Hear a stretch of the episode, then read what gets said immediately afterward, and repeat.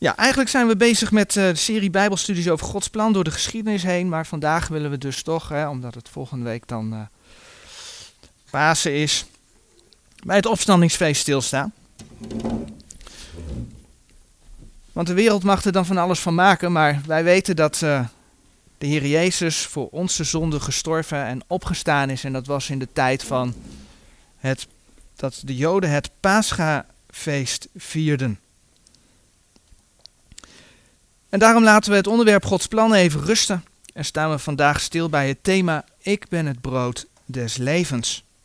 Dat heeft de Heer Jezus uitgesproken, zullen we vandaag ook uh, gaan lezen. Um, en van daaruit willen we dan ook het avondmaal gaan uh, houden. Vorige week hadden we de doopdienst. En in de voorbereiding voor die doopdienst kwam ik uh, de tekst, Handelingen 26, vers 18 tegen.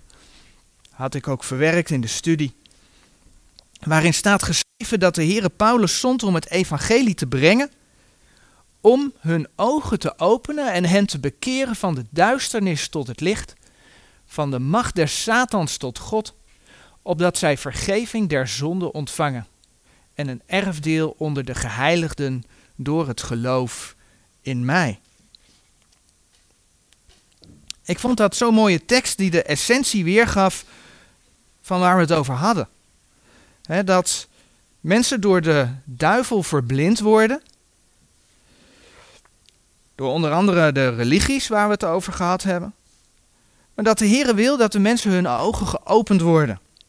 Dat mensen zich bekeren.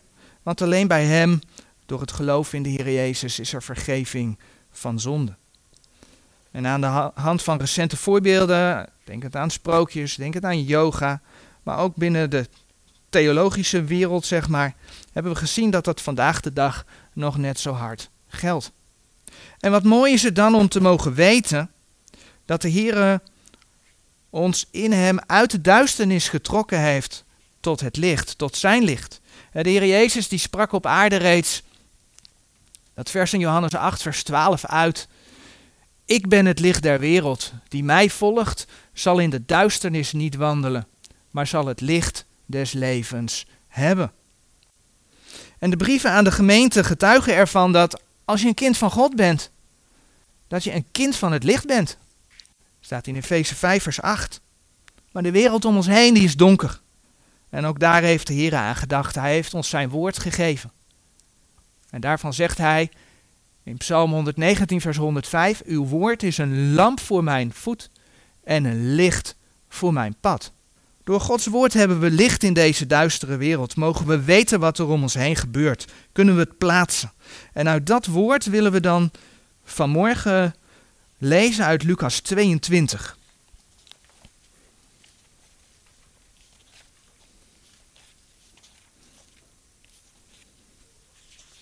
Lucas 22 vanaf vers 14.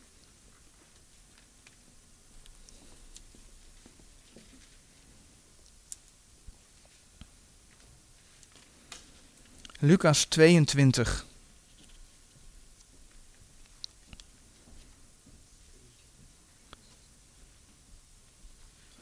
Vanaf vers 14. En als de uren gekomen was, zat hij aan en de twaalf apostelen met hem.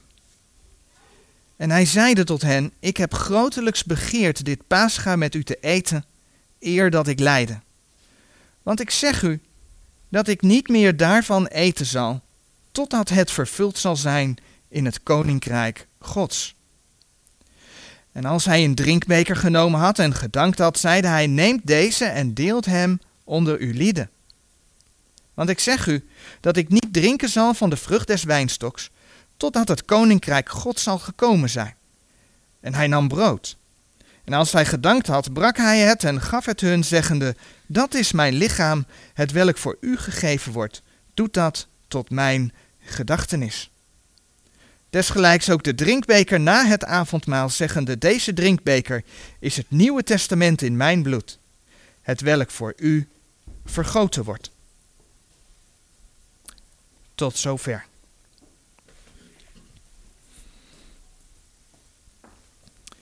In Lucas 22, vers 15 lezen we dat de Heer Jezus zegt: En hij zeide tot hen, ik heb grotelijks begeerd dit paascha met u te eten.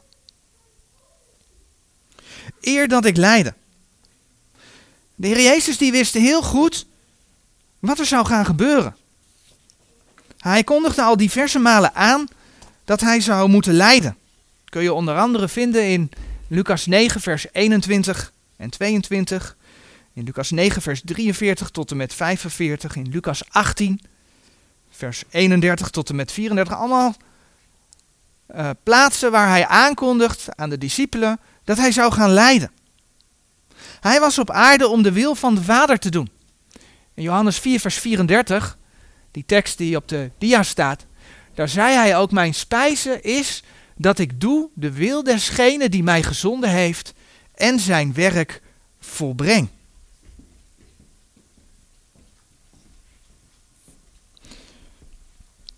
De Heer Jezus was dus op aarde om de wil van de Vader te doen.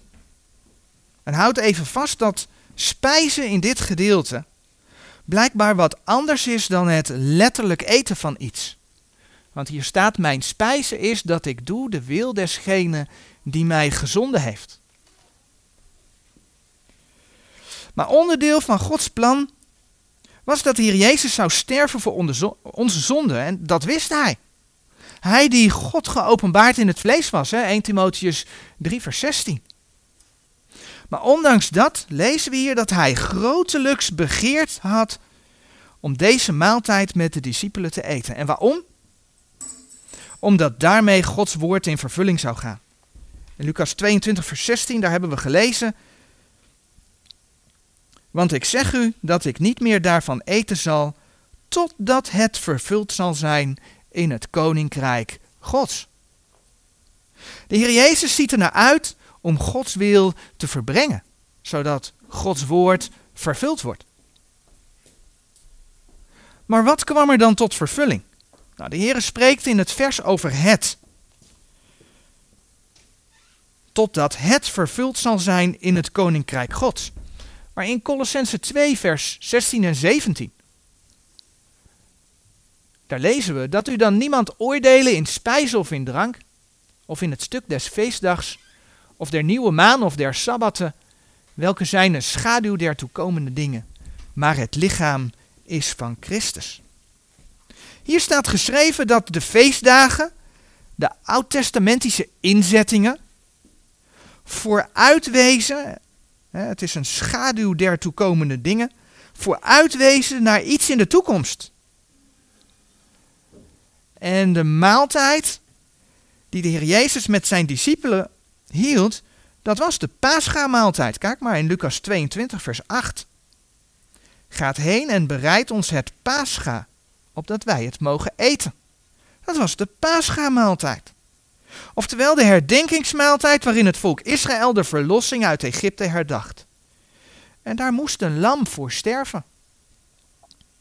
Vanwege het bloed dat men op de deurposten van de huizen moest doen, zodat de engel des doods aan de huizen van de Israëlieten voorbij zou gaan.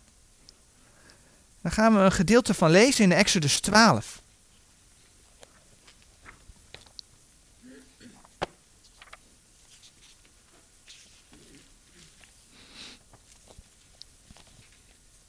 In Exodus 12, vers 5.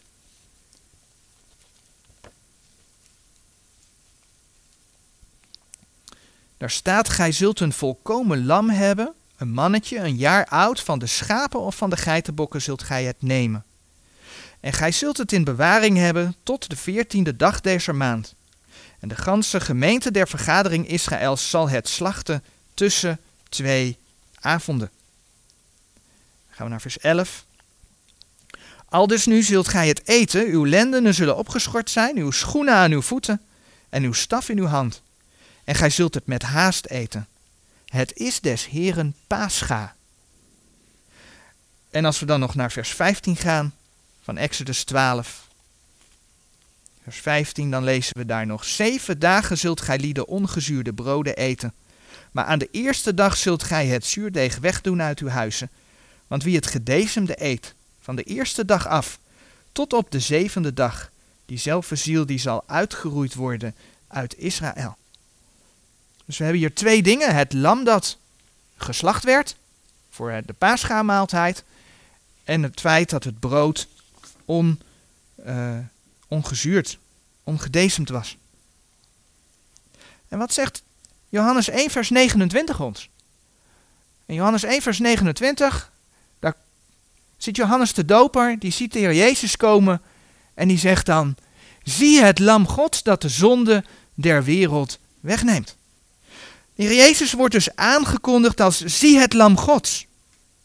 En de Heer Jezus die gaat dus met de instelling van het avondmaal aan zijn discipelen uitleggen wat er met hem gaat gebeuren. Dat dat een vervulling is van oud-testamentische en tegelijkertijd profetische feest van het Pascha.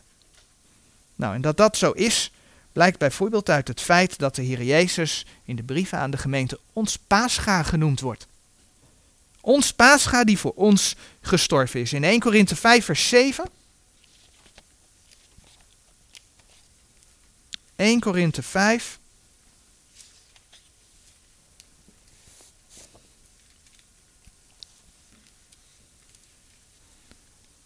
1 Korinthe 5, vers 7.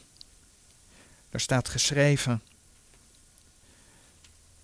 Zuivert dan de oude zuurdesem uit, opdat gij een nieuw deeg zijn macht, gelijk gij ongezuurd zijt. Want ook ons paascha is voor ons geslacht, namelijk Christus. En de Heer Jezus zag er dus naar uit om Gods wil te volbrengen, om voor zijn schepping zijn leven te geven.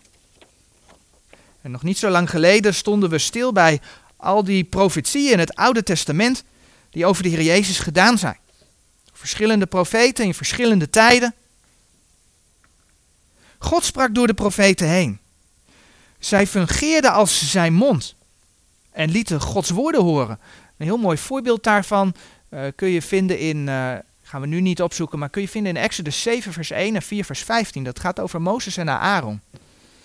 Als je dat leest, dan zie je dat uh, God tegen Mozes zegt dat hij als, ter vergelijking als God genomen wordt en dat Aaron als zijn profeet gegeven wordt omdat hij zijn woorden mag spreken.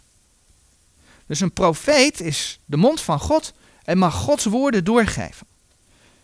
En daardoor kwamen al die woorden in vervulling. Nou, de Heer Jezus was God geopenbaard in het vlees. Hij kent de geschiedenis vooruit. Hij is God en zijn woorden zijn letterlijk uitgekomen. De woorden over zijn lijden zijn ook letterlijk uitgekomen. Hij wist het van tevoren. En er is nog iets moois om te vertellen naar aanleiding van dit gedeelte. De Bijbel die laat ook het een en ander over het opstandingslichaam zien. Hoe zal dat opstandingslichaam eruit zien? Het mooie is dat de Heer Jezus in dit gedeelte in vers 16 zegt dat hij niet meer van het paascha zal eten, en dan dit gedeelte bedoel ik Lucas 22, dat hij niet meer van het paascha zal eten, vers 16, totdat het alles vervuld zal zijn. Maar wanneer eet de Heer Jezus voor het eerst weer? En dan gaat het me nu even niet zozeer om het paascha, maar wel om het feit dat hij weer eet. Dat is na zijn opstanding. Bij zijn verschijning aan de discipelen. En dan lezen we in Lucas 24, vers 39 het volgende. Lucas 24, vers 39. Ziet mijn handen en mijn voeten, want ik ben het zelf. Tast mij aan en ziet, want een geest heeft geen vlees en benen, gelijk gij ziet dat ik heb. En als hij dit zeide, toonde hij hun de handen en de voeten. En toen zij het van blijdschap nog niet geloofden en zich verwonderden, zeide hij tot hen: Hebt gij hier iets om te eten? En zij gaven hem een stuk van een gebraden vis en van honingraten. En hij nam het en at het voor hun ogen. Door te eten laat de Heer Jezus zien dat hij niet slechts een geestverschijning is, maar dat hij daadwerkelijk uit de doden is opgestaan en een nieuw lichaam heeft. En alhoewel vlees en bloed het koninkrijk Gods niet zullen beërven, dat staat in 1 Korinthe 15 vers 50, vlees en bloed kunnen het koninkrijk Gods niet beërven. Heeft het opstandingslichaam blijkbaar, hebben we net gelezen, vlees en benen. Dat hebben we net gelezen in Lucas 24, vers 39. Het is een echt lichaam. Een echt lichaam dat niet aards is, maar dat toch geestelijk is. Waarvan de Heer Jezus zegt dat het vlees en benen is. Een lichaam waarmee hij dwars door gesloten deuren heen kan. Een lichaam waarmee hij door een afgesloten graf heen kan. We hebben over de opstanding gelezen. In Matthäus staat daar ook een, een, een, stuk over. En in Matthäus lees je dan dat er een engel komt die, waardoor het graf, die het graf opent. Maar die opent niet het graf om de Heer Jezus eruit te laten. Nee, hij opent het graf en hij zegt tegen degene die dan aankomt: Kijk, hij is hier niet meer. De Heer Jezus was al opgestaan. Hij had het niet nodig dat de steen van het graf werd afgedaan. Het graf was leeg. De Heer Jezus was opgestaan. Dus ondanks dat het een geestelijk lichaam is, 1 Korinthe 15 vers 44, heeft het wel degelijk vlees en benen en is het een echt lichaam. En zo'n lichaam zullen ook wij in de toekomst krijgen. Want wij zullen gelijk worden aan Hem. En in Filippenzen 3 vers 21, daar staat dat zo mooi geschreven.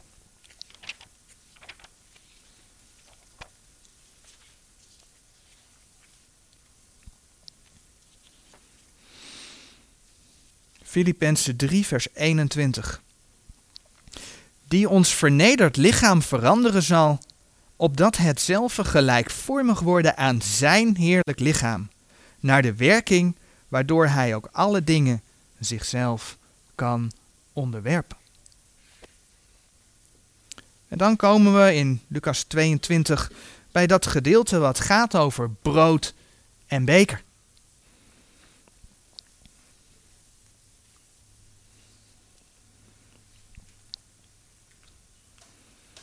Binnen het Rooms-Katholicisme zegt men dat het bij, zoals zij het noemen, de Eucharistie, gaat om het letterlijke lichaam en letterlijke bloed van de Heer Jezus. En er is een Bijbelgedeelte dat dit, als je niet naar de context kijkt, ook nog lijkt te bevestigen. En wat ook heel verwarrend kan zijn als mensen dat voorgehouden wordt. En dat Bijbelgedeelte dat staat in Johannes 6. Johannes 6 vanaf vers 48.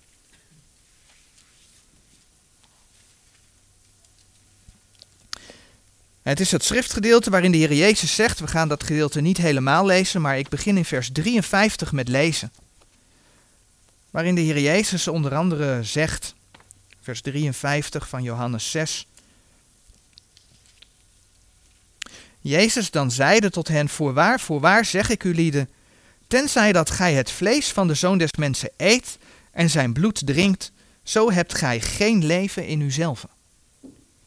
Die mijn vlees eet en mijn bloed drinkt, die heeft het eeuwige leven, en ik zal hem opwekken ten uiterste dagen. Want mijn vlees is waarlijk spijs, en mijn bloed is waarlijk drank. Die mijn vlees eet en mijn bloed drinkt, die blijft in mij en ik in hem. Dat staat er in Johannes 6. En wanneer je deze versen zo leest, zou je allicht tot de conclusie kunnen komen: Nou, daar hebben ze dan mooi wel gelijk in. Ik moet zijn vlees en bloed eten, want dan heb ik het eeuwige leven. Echter, dit gedeelte staat natuurlijk in een context en vers 57 gaat verder met: Gelijkerwijs mij de levende Vader gezonden heeft, en ik leef door de Vader. Alzo die mij eet, dezelfde zal leven door mij. Hier wordt dus een vergelijking getrokken tussen de Heer Jezus en de mensen. Zoals de Heer Jezus door de Vader leeft, zo leven de mensen door de Heer Jezus. En dan staat daar alzo die mij eet. Maar de Heer Jezus was toch ook niet op aarde al kauwend op zijn Vader. Zo wordt in Lucas 22, vers 20, het gedeelte wat we gelezen hebben, gesproken over het feit dat de, de drinkbeker het Nieuwe Testament in mijn bloed is. Ik denk dat we allemaal beseffen dat het hier niet letterlijk om de drinkbeker gaat, maar om de inhoud van de drinkbeker. Lucas 22, vers 18. De vrucht des wijnstoks. Maar wat betekenen die versen over het eten van zijn vlees en het drinken van zijn bloed dan? Johannes 6, vers 58, ligt een tipje van de sluier op. Johannes 6, vers 58, dat zegt: Dit is het brood dat uit de hemel neergedaald is. Niet gelijk uw vaders het manna gegeten hebben en zijn gestorven. Die dit brood eet, zal in der eeuwigheid leven. De Heere vergelijkt het met het manna dat de Israëlieten in de woestijn gegeten hebben. En Mozes in Exodus 16, vers 15, die noemt dat het brood het welk de Heere uw lieden te eten gegeven heeft. Nou, als, we gaan het niet opzoeken, maar in 1 Korinthe 10 daar wordt gesteld dat Israël de gemeente als voorbeeld is gegeven. En in 1 Korinthe 10 wordt dan ook gesproken, daar wordt ook verwezen naar die woestijnreis die gemaakt is. En daar wordt verwezen naar de geestelijke spijzen die men gegeten heeft. En in die context wordt dan een verwijzing naar de Heer Jezus gemaakt. 1 Korinthe 10, vers 3 en 4. Dat duidt erop dat het manna een beeld, een type is. Het woord is eerder gevallen uit Colossense 2. Een voorafschaduwing is van het nog komende brood uit de hemel. Oftewel, het manna verwees dus naar de Heer Jezus. Van het manna kregen ze echter tijdelijk leven en geen eeuwig leven. In, Johannes 6, er staat ook in eh, vers 49 onder andere geschreven, dat de mensen alsnog stierven in de woestijn. Johannes 6, vers 49, uw vaders hebben het manna gegeten in de woestijn en zij zijn gestorven. Dus dat was tijdelijk leven. Maar de Heer Jezus geeft het eeuwige leven. Hij is, Johannes 6, vers 32, het ware brood uit de hemel. En daarom lezen we bijvoorbeeld in Johannes 6, vers 35. En Jezus zeide tot hen: Ik ben het brood des levens. Die tot mij komt, zal geen zins hongeren. En die in mij gelooft, zal nimmer meer dorsten. Hier zien we dus dat het gaat om die in mij gelooft. En op meer plaatsen in de context blijkt, uh, zien we dat het niet om het letterlijke eten en drinken van het vlees en bloed van de Heer gaat, maar om het geloof in Hem. In ieder geval wordt nog drie keer verteld dat het eten van zijn vlees en het drinken van zijn bloed geestelijk gezien staat voor geloven in Hem. Johannes 6, vers 27 bijvoorbeeld. Daar lezen we dat de Heer Jezus tegen de mensen het volgende zegt. Johannes 6, vers 27. Werkt niet om de spijze die vergaat, maar om de spijze die blijft tot in het eeuwige leven, welke de Zoon des Mensen u lieden geven zal, want deze heeft God de Vader verzegeld. En als de mensen dan in vers 28 vragen, wat zullen wij doen? Dan antwoordt de Heer Jezus in vers 29. Jezus antwoordde en zeide tot hen: Dit is het werk Gods, dat gij gelooft in Hem, die Hij gezonden heeft. De spijze die blijft tot in het eeuwige leven. Het werk Gods is dus dat mensen geloven in de Heer Jezus. Het gaat dus niet om letterlijk fysiek voedsel, maar het gaat om geestelijk voedsel. En eens te meer wordt dat benadrukt in Johannes 6, vers 40. Johannes 6, vers 40. En dit is de wil desgene die mij gezonden heeft, dat een iegelijk die de Zoon aanschouwt en in hem gelooft, het eeuwige leven hebben, en ik zal hem opwekken ten uiterste dagen. En net zo goed Johannes 6, vers 47, waar geschreven staat, voorwaar, voorwaar zeg ik u, die in mij gelooft, heeft het eeuwige leven. Oftewel, als je naar de context kijkt, dan is er geen twijfel meer aan en dan kunnen ze vanuit religieuze instituten wat anders beweren, maar dit is wat Gods woord zegt. Het ware brood is dus anders, dat is hemels brood. En velen begrepen het ook toen niet, waar de Heer Jezus het over had. Dat lees je in Johannes 6, vers 60 en 62. Vers 60 ook. Deze reden is hard, wie kan dezelfde horen? En dan zegt Johannes 6, vers 63. De geest is het die levend maakt. Het vlees is niet nut. De woorden die ik tot u spreek zijn geest en leven. En dat is dus eigenlijk waar het om gaat. Dit vers maakt duidelijk dat het niet om het letterlijke fysieke vlees gaat, want het vlees is niet nut. Maar het gaat om de woorden van de Heer Jezus. Die zijn geest en leven. En door de Heilige Geest maken die woorden levend. Gods woorden geven het geloof in de Heer Jezus en zijn volbrachte werk. En daardoor ontvangen mensen het eeuwige leven. Zoals geschreven staat ook in Johannes 20, vers 31. Maar deze zijn geschreven opdat gij gelooft dat Jezus is de Christus, de Zoon Gods. En opdat gij gelovende hebt het leven in zijn naam. Het gaat dus om geestelijk voedsel. En dan zien we ook wat er misgaat. Als kerken zeggen dat het avondmaal een sacrament is. Een sacrament heeft namelijk zijn oorsprong niet in de Bijbel.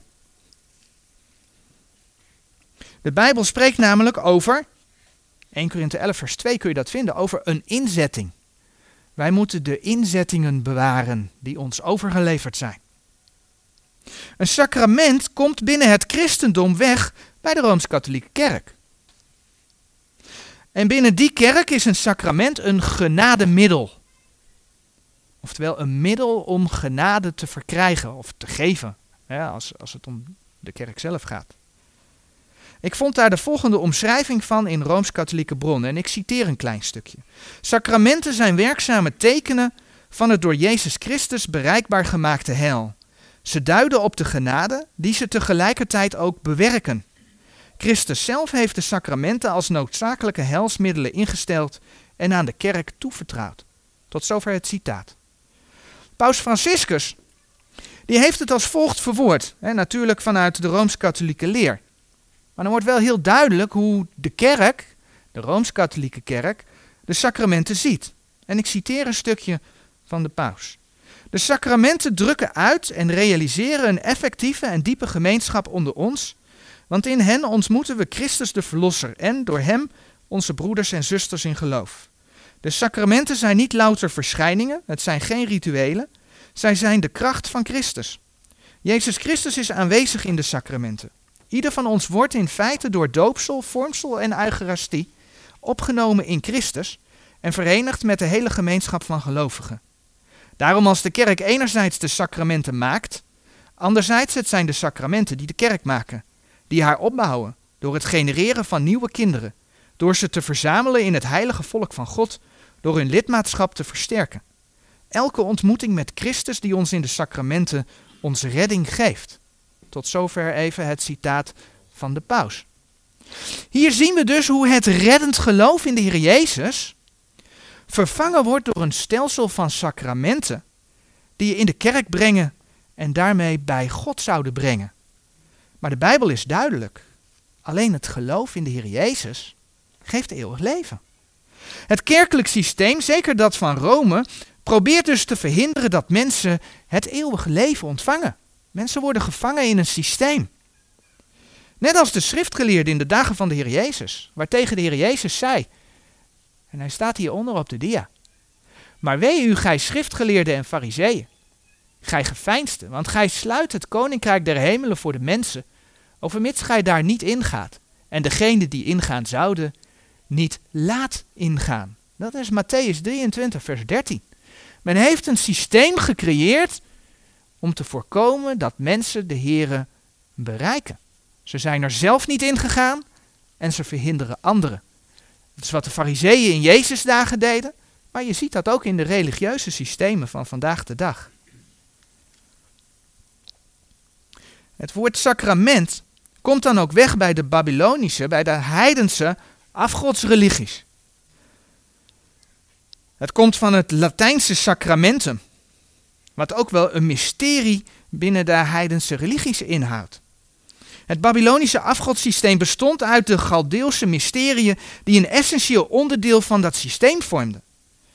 En zoals Rome diverse heidense elementen heeft overgenomen, denk aan de moeder-kind-religie die over de hele wereld voorkomt, heeft zij vervolgens de gedachtenismaaltijd omgevormd tot een mysterie of sacrament. De doop leek voor de heidenen op een soort inwijdingsritueel. En is op die manier ook door hen tot een sacrament gemaakt. En denk dan eens aan de hostie. De hostie is het brood dat de katholieken bij het, de Eucharistie nemen. De hostie is een hele gave, ronde, een gave ronde wafel. Maar waarom is dat zo rond? Want nergens in de Bijbel is te vinden dat het ongezuurde brood zo gaaf rond moet zijn. De Bijbel spreekt alleen over het feit dat het brood ongezuurd hoort te zijn. Als we dan gaan kijken naar afbeeldingen van Egyptische goden. Daar zie je een gouden kalf met tussen de hoornen ook een, een bol van een zon. Dat zijn Egyptische beelden. En deze komt uit Babylonië, waar ook een zon in een cirkel zit. Wat opvalt is de zonaanbidding. Ook zien we op zo'n zonnedisk dat daar afbeeldingen op staan. En op een hostie staan vaak ook afbeeldingen. Je kunt het op de, op de dia's kun je het zien. En kijk wat er in de Rooms-Katholieke Kerk met de gewijde hostie gedaan wordt. Die wordt in dit ding geplaatst en dat ding dat wordt dan een monstrans genoemd. Daar wordt die hostie ingeplaatst. Dat schijnt niet overal te gebeuren, maar het is wel een van de gebruiken die men doet. En die wordt aanbeden. En laten we dan eens kijken wat, en de tekst staat op de dia, wat het volk Israël in het Oude Testament al deed. Jeremia 44, vers 19. Ook wanneer wij aan Melesia des hemels roken en haar drankoffers offeren, maken wij haar gebeelde koeken om haar af te beelden en offeren wij haar drank, drankoffers zonder onze mannen.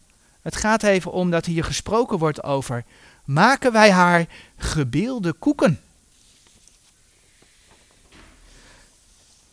Men gebruikte gebeelde koeken om de Baals en de koningin des hemels te dienen. En toen koning Josia, een van de goede koningen, de koningen die, die deed wat recht was in de ogen des heren, 2 Kronieken 34 vers 2, al dat afgodspul verwijderde, dan lezen we in 2 Kronieken 34 vers 4 het volgende. En men brak voor zijn aangezicht af de altaren der Baals en de zonnebeelden die omhoog boven dezelfde waren, hiel hij af. De bossen ook en de gesneden en de gegoten beelden verbrak en vergruisde en verstrooide hij op de graven dergenen die hun geofferd hadden. De zonnebeelden die omhoog boven dezelfde waren. Kijk eens naar dat altaar in de Sint-Pieter met daarboven. Als we hier naar dit altaar kijken, dan zien we ook daar die monstrans. En we zien hoe hier de monstrans boven het hoofd van de paus gehouden wordt om het te aanbidden. De zonnebeelden die omhoog boven dezelfde waren.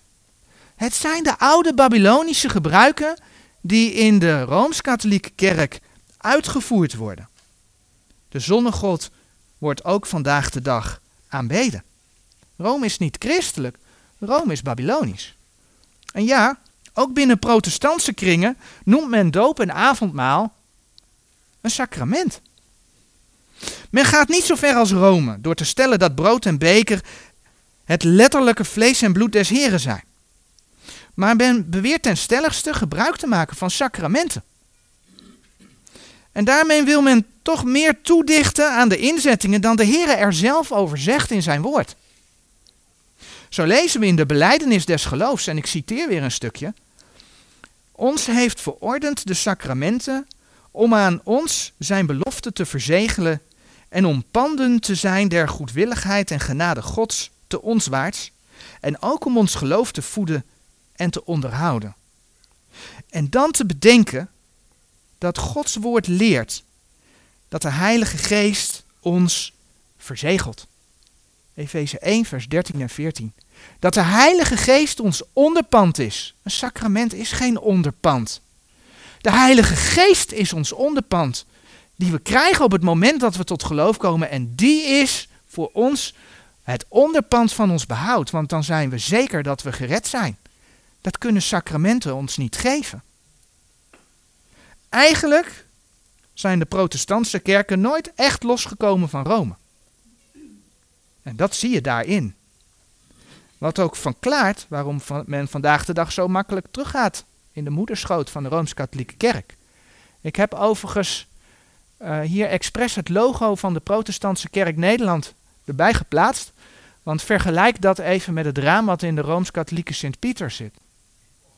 Ja, enige gelijkenis is daar wel te zien.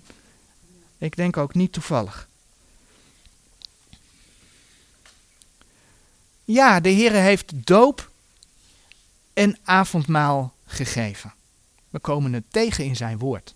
Maar niet als sacramenten. Het zijn geen genademiddelen. Maar wel als inzettingen.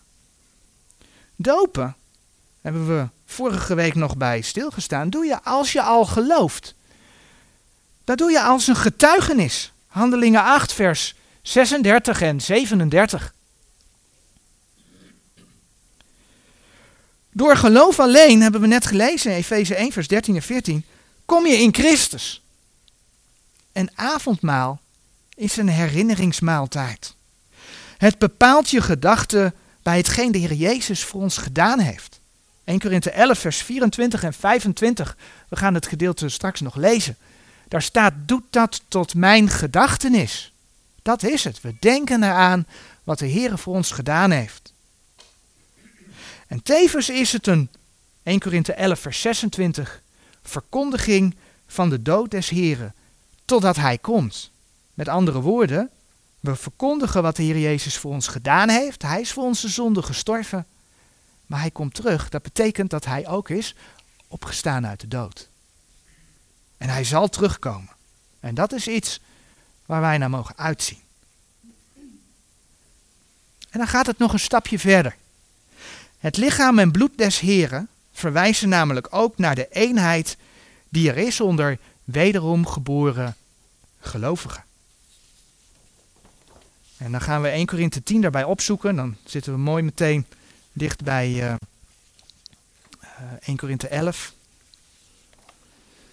1 Korinthe 10.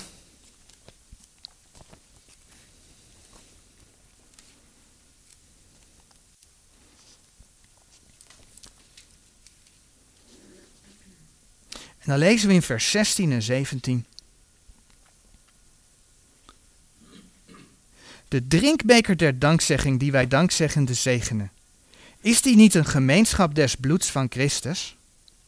Het brood dat wij breken, is dat niet een gemeenschap des lichaams van Christus? Want één brood is het. Zo zijn wij velen één lichaam. Terwijl wij alle één broods deelachtig zijn. Als wederom geboren gelovigen hebben we gemeenschap met de Heer Jezus. 1 Korinthe 1 vers 9. Maar ook met onze broeders en zusters in de Heer. We zijn namelijk door de Heilige Geest ingedoopt in één lichaam.